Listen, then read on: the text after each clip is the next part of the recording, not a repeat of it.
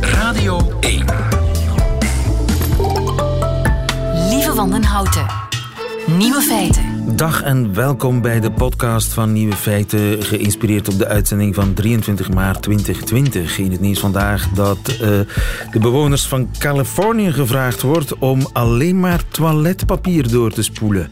En dus geen t-shirts, zakdoeken, desinfecterende doekjes of elk ander materiaal.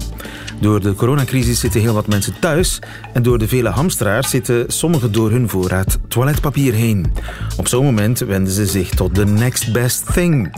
En daardoor krijgen de bevoegde diensten opvallend meer oproepen over verstoppingen. De oproep van de rioolambtenaren is simpel. Bag it, don't flush it. Als je je achterste hebt afgeveegd met wat anders dan toiletpapier, gooi het dan gewoon weg in de vuilniszak. Ga het niet doorspoelen. En gewoon water werkt anders ook prima. De andere nieuwe feiten vandaag is de coronacrisis een keerpunt in onze geschiedenis. Filosoof Johan Braakman hoopt het. Het coronavirus dwingt ook het filmfestival van Cannes tot uitstel in Frankrijk. Alex Visorek meet de schade op. Verlies aan reukzin kan een teken zijn dat je COVID-19 hebt. En de OCAN-leerkrachten in ons land doen wat ze kunnen om ook de mensen die geen Nederlands spreken te informeren. De nieuwe feiten van Paul Hanen hoort u in zijn middagjournaal. Veel plezier. Nieuwe feiten. Zou deze coronacrisis ook een kantelpunt kunnen zijn? Het begin van iets nieuws. Johan Braakman, goedemiddag. Goedemiddag. Filosoof in Gent en toch ook een beetje onze filosoof des vaderlands. Zou het kunnen dat deze coronacrisis de samenleving zal veranderen? Ja, er zullen zeker veranderingen uh, gebeuren op, laat ons zeggen, kleine schaal in eerste instantie, nietwaar? Uh, kijk, cash held bijvoorbeeld is sowieso al uh, aan het verminderen. Dus mensen begrijpen, het is veiliger om digitaal te betalen of met kaarten. Uh, telewerken zal misschien wat meer toenemen, zo dat soort zaken. Hè. Minder ja, in, in één keer kun, kunnen allerlei vergaderingen probleemloos worden afgeschaft. Ik moest naar de notaris ja. voor een of andere ja. regeling en ik kreeg, ik kreeg een bericht, ja, we kunnen het ook gewoon via de post doen. Juist, dus die, die optie is er en het is mogelijk dat dat zal toenemen. Maar dat vind ik nu niet bepaald dramatische veranderingen. Uh, kijk, mensen gaan niet stoppen met op restaurant gaan, naar optredens gaan. Studenten zullen nog altijd in overvolle auditoria lessen beginnen volgen. We gaan niet plots alle onderwijs digitaal gaan organiseren. Dus ik, ik vermoed dat, dat de zaak zich toch zal normaliseren nadat het ergste achter de rug is. Ja, want nu merken we toch een, een stijgend gemeenschapsgevoel. Um, heel veel ruis valt weg. Mensen vallen op zichzelf terug en leren zichzelf beter kennen. Uh, een heleboel dingen die we vroeger heel belangrijk worden, blijken nu futiel. Dat effect zal van tijdelijke aard zijn, denk je? Ik, ik denk dat. Ik denk dat. Of ik vrees dat in zekere zin. Ja. ja. Uh, het, het, zou positief zijn mocht dat stand houden, dat soort zaken. Ja, en er zijn er zo nog wel. Bijvoorbeeld, er vallen nu veel minder slachtoffers op de weg. Hè. Dus uh, het, het, kan cynisch klinken, ik bedoel het natuurlijk niet zo, maar corona kan voor minder doden zorgen op lange termijn natuurlijk uh, erger zou worden epidemiologisch. Hè. Ja. Er is minder fijn stof ook. De, de, rivieren worden gezonder. In China schat men zelfs dat uh, er 100.000 minder doden zullen vallen doordat uh, er veel minder luchtvervuiling is voor nu en de komende maanden. Ja, dus uiteindelijk zal corona levens redden in China, wat wel een hele bizarre gedachtenis. Ja, op een onrechtstreekse manier zou dat zo kunnen zijn. Het is natuurlijk, we zouden die levens willen redden, liefst niet door corona, maar door uh, ja, normale, ja. rationele maatregelen natuurlijk. Het maar goed, een, een... het kan een neveneffect zijn. Ja. ja, en ons idee over wie de echte helden zijn in de samenleving, de dokters, de leraars, de truckers, de vuilnismannen, winkelpersoneel, verplegers, havenarbeiders, dat blijken nu de sleutelfiguren te zijn in de samenleving. Ja, en dat is ook voor een stuk zo. Hè. Uh, vuilnisophalers, mensen in de medische zorg gaan zo maar door. Over het algemeen de mensen die veel te weinig verdienen. Hè. Dus mocht het zo zijn dat we aan een soort herwaardering kunnen toekomen met z'n allen, ook politiek en economisch, van ja, waar het echt om draait in de samenleving, dan, dan is dat natuurlijk een positief effect. Maar ik denk dat we dat nog moeten afwachten, lieven. Uh, we weten niet hoe lang dit aanhoudt. Um, dus we weten ook niet wat de gevolgen op lange termijn zullen zijn. Ja. Nu, zelf hoop ik, maar dat kan natuurlijk een vorm van wensdenken zijn, dat we zullen inzien dat, dat zoiets als corona een soort ja, vijand is die, die de wereld in principe moet verenigen. Je, je kent wellicht de film Independence Day. Uh, de aarde wordt uh, aangevallen door buitenaardse wezens. En we hebben zoiets nodig verenigd te kunnen worden. Hè. Mensen zijn zeer goed in samenwerken, maar meestal werken ze samen tegen contra andere mensen die dan ook gaan samenwerken. Maar hoe krijg je nu de wereld volledig verbonden? Daar heb je eigenlijk een externe vijand voor nodig. Het is niet anders hebben er eentje, namelijk de klimaatopwarming, maar die is bij wijze van spreken nog, nog, nog relatief ver weg. Je ziet de gevolgen niet direct, wij toch niet in het Westen. Maar bij corona is dat anders. We zitten echt allemaal samen wereldwijd in hetzelfde schuitje. Je kunt geen eigen volk eerst filosofie meer aanhouden. We zullen moeten samenwerken over de grenzen heen. Anders, ja, een virus trekt zich niks aan van grenzen of religies of culturen of huidskleur of wat dan ook. Dus dat zou misschien, maar het kan wensdenken zijn, een positief effect kunnen zijn. Hè? Dat we dus de, ja, de, de, de parochiale belangen um, zullen moeten overstijgen, willen we een dergelijke externe vijand uh, het hoofd kunnen bieden. Dus de populisten hebben een probleem? In, inhoudelijk hebben ze natuurlijk wel een probleem, maar het kan ook de andere kant uit gaan lieven. Het is moeilijk te voorspellen. Dat mensen beseffen, ja, we, we moeten hier samenwerken met, met ja, andere naties, uh, culturen, zelfs mensen die, die in alle opzichten letterlijk en figuurlijk ver van ons afstaan.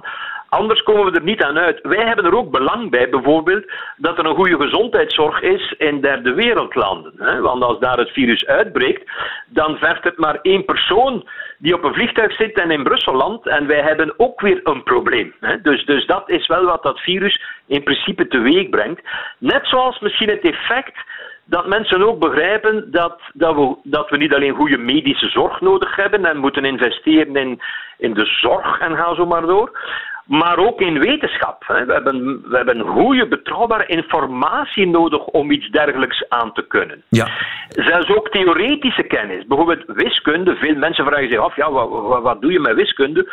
Maar als we geen goede wiskundige modellen hebben, kunnen we geen inschatting maken, uh, epidemiologisch heet dat dan, hoe dit virus zich potentieel kan verspreiden. Ja. Dus je moet goede theoretische kennis hebben, dus wetenschappelijke kennis, betrouwbare kennis, om, om zoiets aan te kunnen. Ja, dus dit zou uh, een, uh, ja, een opsteker kunnen zijn voor de wetenschap en voor echt politiek leiderschap.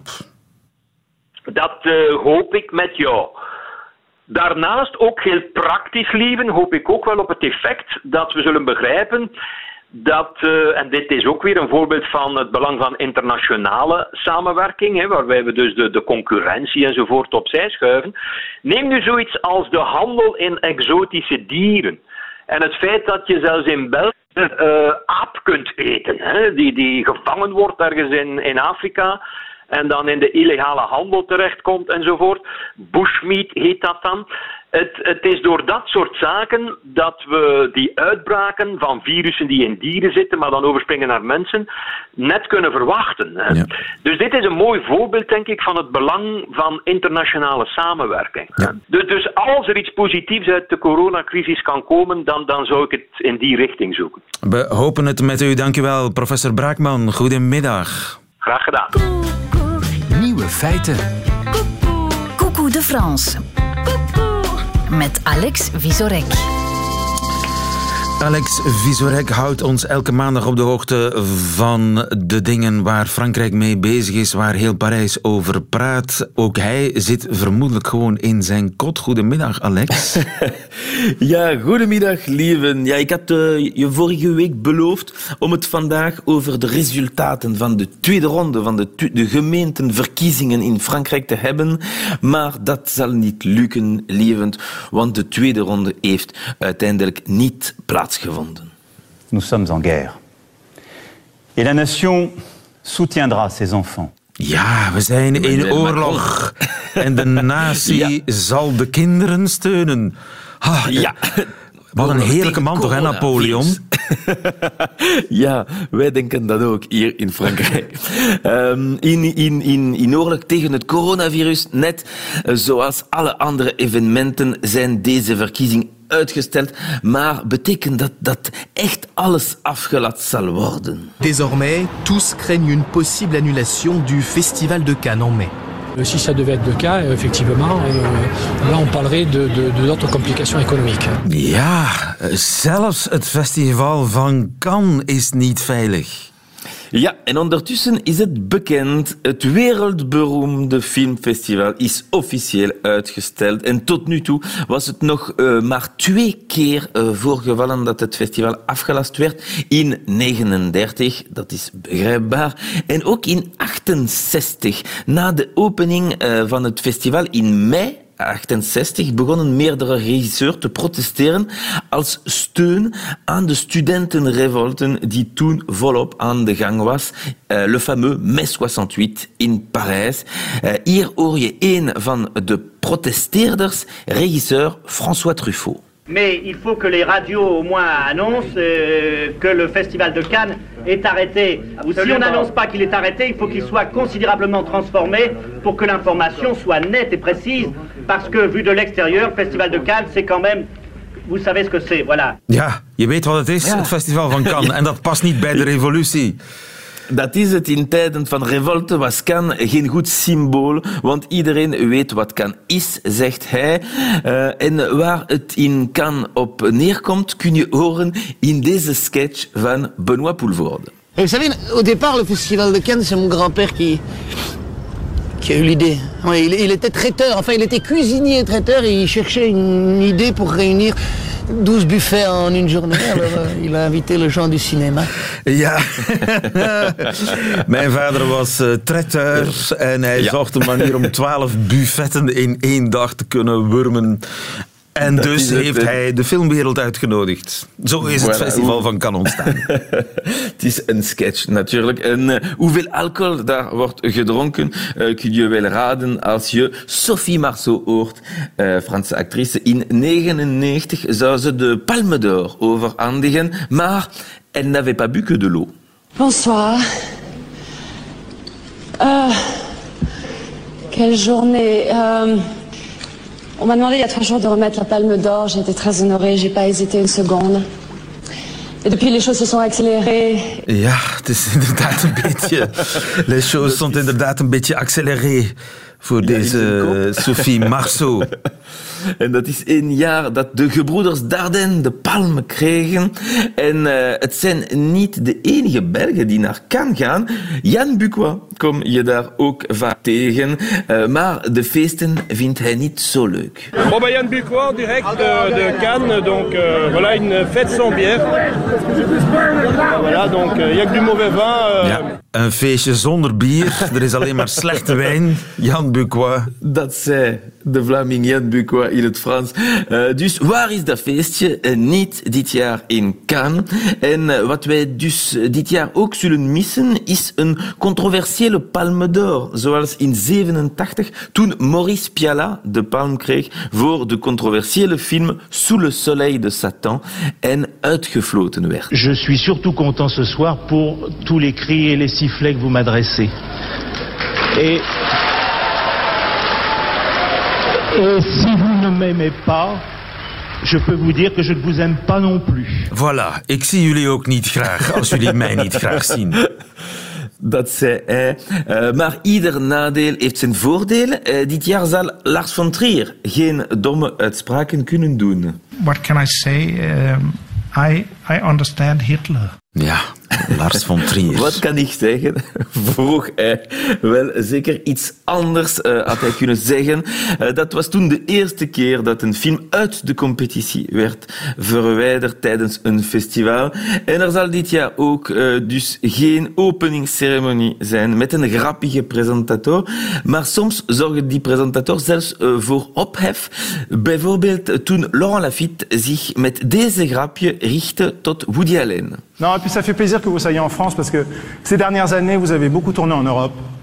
Alors que vous n'êtes même pas condamné pour viol aux États-Unis. Ja, Woody Allen.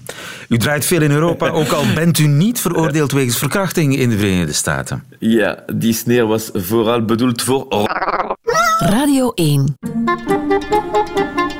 Nieuwe feiten.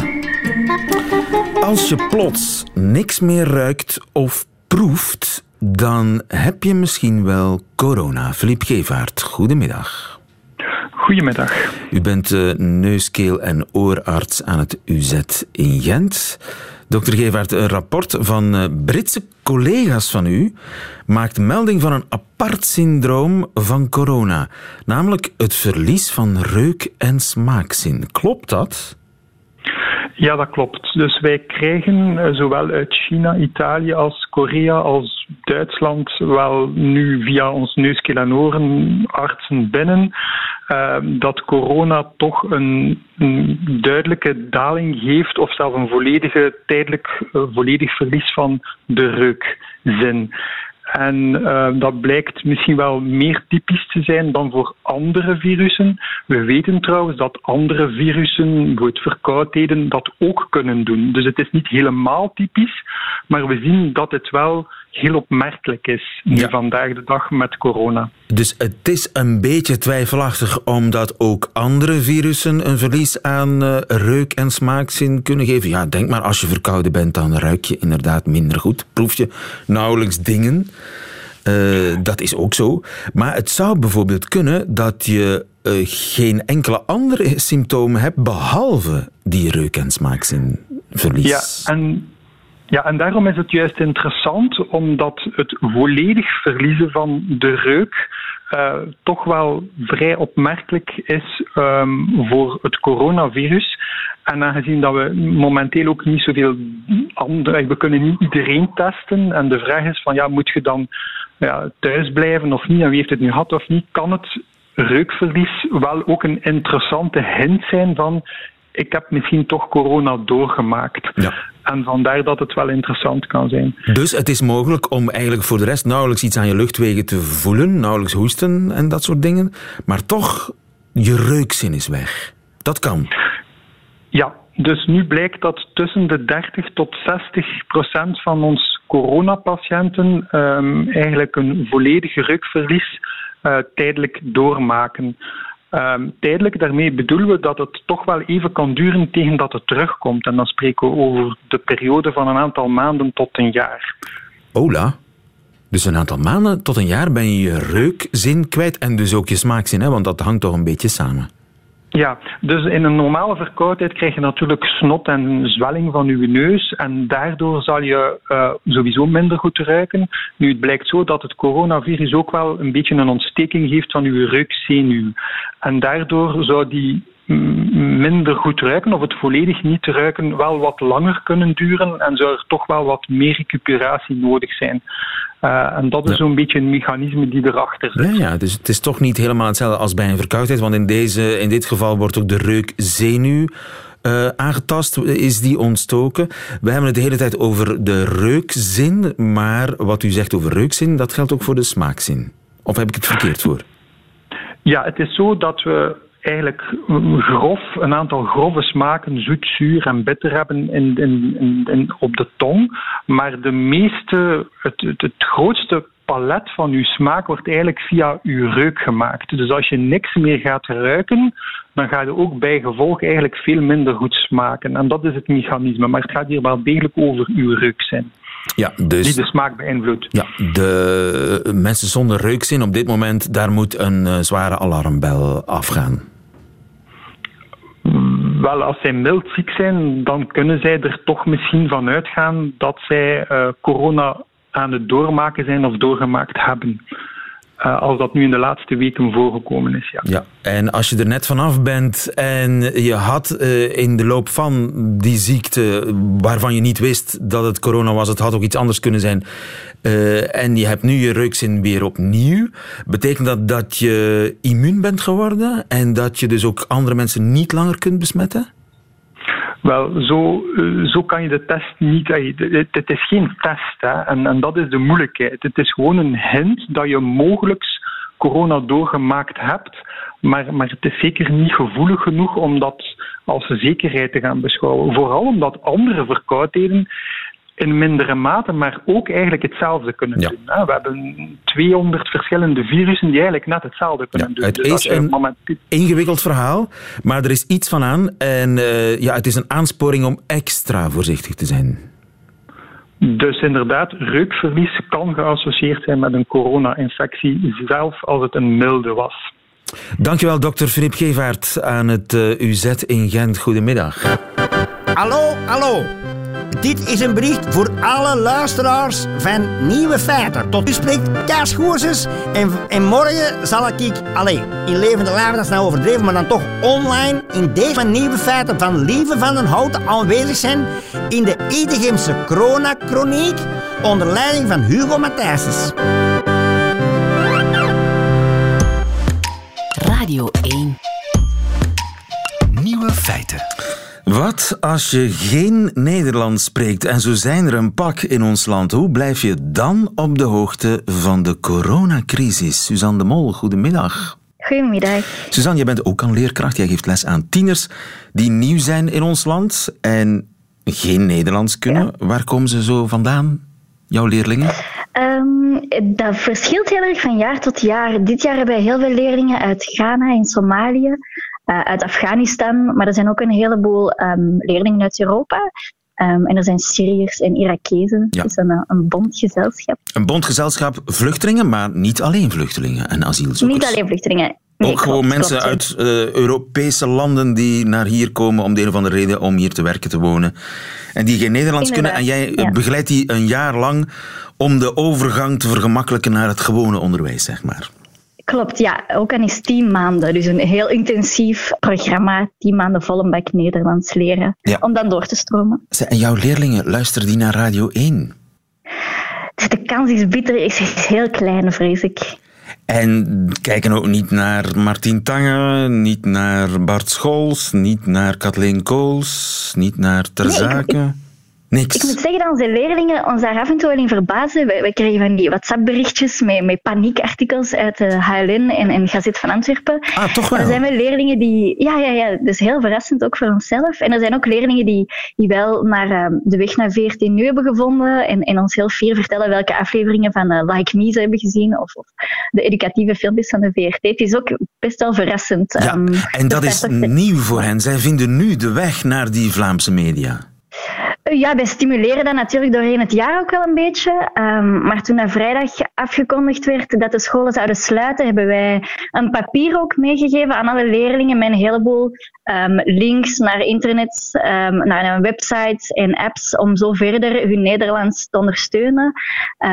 omdat wij op die moment nog geen materiaal hadden om hen mee aan de slag te laten gaan. Dus wij hebben heel veel websites en apps gegeven ja. uh, met veel luisteroefeningen en dat soort dingen. Ja, je hebt een ja. beetje Radio 1 gespeeld eigenlijk. Je bent eigenlijk in de plaats gekomen of, of een soort uh, ja, tussenfiguur tussen ja, de, de Vlaamse media en de, en de OCAN-leerlingen. Want ja, Klopt, uh, zijn die mensen voldoende geïnformeerd over de preventiemaatregelen, over de lockdown, over het samenscholingsverbod? Ja, er komt via allerlei kanalen wel een heleboel informatie op en af. Um, hele en halve nonsens ook wel, merken wij. Um, ze zijn zich wel heel goed bewust van de situatie, maar het is ook al een beetje onze taak om te controleren of dat allemaal helder is en om ook de, de waarheden van de onwaarheden um, te onderscheiden. Dus wij hebben best veel contact met onze leerlingen en wij brengen hen ook in zo helder mogelijke taal steeds op de hoogte als er nieuwe ontwikkelingen zijn of nieuwe maatregelen zijn. Um, dan, dan gaan wij nog wel eens rechtstreeks bij onze leerlingen controleren of ze alles begrijpen, um, of ze weten wat er van hen verwacht wordt. Um, want er zijn ook wel best veel vragen van onze leerlingen. Dus dat volgen wij wel op. En, want er zijn mensen die geen Frans, geen Engels, geen Nederlands, alleen maar een of andere ja, heel exotische taal. Hoe doe je dat communiceren met die mensen? Um, ja, wij zijn echt aanwezig op alle mogelijke uh, kanalen. Wij, hebben, um, ja, wij, communiceren, wij, communiceren natuurlijk via Smart School. We hebben ook, elke klas heeft een WhatsApp-groepje met zijn leraar. We hebben een Facebook-pagina. Ja, we zitten nog net niet op Tinder, maar voor de rest uh, zijn we echt allemaal aanwezig. Um, maar wat wij doen is, wij bellen ook iedere week al onze leerlingen op. Um, om verschillende redenen. Enerzijds om te controleren of dat ze het werk dat wij hebben meegegeven uh, begrijpen. Uh, maar ook om het, het, welbevinden wat te controleren. Ja. Om, om te zien of er geen problemen thuis zijn. Um, en dat, dat kan wel in het Nederlands. Um, nu, mijn leerlingen zijn pas sinds januari in België. Dus daar is het taalniveau nog iets minder hoog. Maar eigenlijk lukt dat wel goed. Maar je moet wel improviseren, want er zijn leerlingen die uh, Tigrinya spreken bijvoorbeeld. Ja, wat ja, doe je dan? Ja, er zijn wel veel organisaties die, die ons daarbij helpen. Um, je hebt het, de Atlas in, in Antwerpen en die voorzien hele heldere informatie in heel veel verschillende talen. Dus dat sturen wij ook wel door naar onze leerlingen. Maar momenteel kunnen wij in principe wel gesprekken voeren met onze leerlingen, met, met heel eenvoudige, um, eenvoudige zinnetjes. En, en via e-mail sturen wij ook nog pictogrammen en foto's door, zodat alles duidelijk is. Ja. Um, en heb jij... Ook leert je ja, Enig idee, uh, Suzanne, hoe die lockdown verloopt bij hen thuis? Want ik stel me ja. daar vaak grote gezinnen bij voor, klein Klopt, behuisd. Ja. ja. dus gisteren, we hebben afgesproken um, dat we iedere week al onze leerlingen bellen. En ik heb gisteren een deeltje van mijn klas uh, opgebeld om eens te controleren met wat ze bezig zijn. Nu, wij hebben die een heel pak werk meegegeven, dus die kunnen zeker veel studeren. Um, maar verder ja, probeer die een beetje te sporten. Um, er waren leerlingen die uitgebreide maaltijden aan het koken waren. Um, maar er is, ze vervelen zich, hè, daar moeten we niet onnozel over doen. Um, en ze lopen de muren waren, op. Ja, toch. Met, met heel veel vaak in, in, in, kleine ruimtes. Of juist helemaal alleen. Dat is niet zo evident. En de leerlingen waarvan dat wij op voorhand al het gevoel hadden dat die mogelijk in een kwetsbare thuissituatie zaten, die proberen wij wel nog iets nauwer op te volgen. Ja. maar je zegt alleen. Zijn, zijn er leerlingen die alleen wonen? Helemaal alleen? Um, ja, de, vooral leerlingen waarbij dat de ouders moeten gaan werken. Hè. Ja. Um, daar zijn er wel een aantal die echt alleen zijn en die zich vervelen. En die heel blij waren om met de leraar te kunnen babbelen aan de telefoon. Ja, het is alle hens aan dek. Ook uh, bij de OCAN-leerkrachten die een klein beetje krant moeten spelen voor hun leerlingen. Dankjewel, Suzanne. Keep up the good work, zou ik maar zeggen in, in mooi Nederlands. En hou je sterk. Ja, dankjewel. Jullie ook. Dat waren ze, de nieuwe feiten van 23 maart 2020. Alleen nog die van cabaretier Paul Hanen krijgt u in zijn middagjournaal. Nieuwe feiten. Middagjournaal. Ik zit nu nog thuis, maar straks ga ik naar mijn werkplek, het Betty Asselt complex in Amsterdam, omdat ik daar weer elke dag ga uitzenden de komende week voor de mensen die thuis moeten zitten in Nederland, België en de rest van de wereld. Uh, we zenden uit via YouTube, via internet. En internet is nu eigenlijk een reddende engel. Zoals menig radio- en televisieprogramma dat ook is in deze barre tijd. Ja, want het worden zware tijden. Niet alleen voor België en Nederland, maar uh, ja, zoals, iedereen weet, voor de hele wereld. En naast de informatie over het coronavirus en de, en de verspreiding van het coronavirus, die informatie, is het ook belangrijk om af en toe wat verstrooiing te brengen. Troost radio en troost televisie. Ja, dat gebeurt dus bij de radio en televisie, maar ook heel veel via internet. Dat is ook heel belangrijk. In België gebeurt dat, dat je ook eventjes merkt dat je niet alleen staat, maar in Nederland hebben we dat ook. En het lijkt of er door de crisis of oorlog, zoals sommige mensen zeggen, er ook een vorm van saamhorigheid ontstaat. Samen zijn we sterk. En je hoopt dat bij de politici dat ook doordringt. En bij heel veel is het ook doorgedrongen. En ook bij de omroepen in Nederland en België. Samenwerken, even de verschillen vergeten en samen de strijd strijden. We moeten winnen. Dat gaat natuurlijk ook gebeuren, maar het kan lang duren. Sommigen denken dat het eh, weken gaat duren en anderen denken maanden en sommigen denken wel tot het einde van het jaar. Maar we moeten het samen doen. En dat zijn de mooie kanten van de ergste crisis van na de oorlog. Begrip voor elkaar op proberen te brengen. En het gebeurt. Het gebeurt in de dorpen, in de steden, maar ook in de politiek en ook bij de omroepen. Samen. Samen het oplossen, ook thuis. Ruzies proberen uit te praten. Nou, ik hoop dat jullie allemaal heel sterk zijn, de mensen die luisteren en goed kunnen incasseren en ook geduld hebben. Dat is natuurlijk ook heel belangrijk. Tot morgen.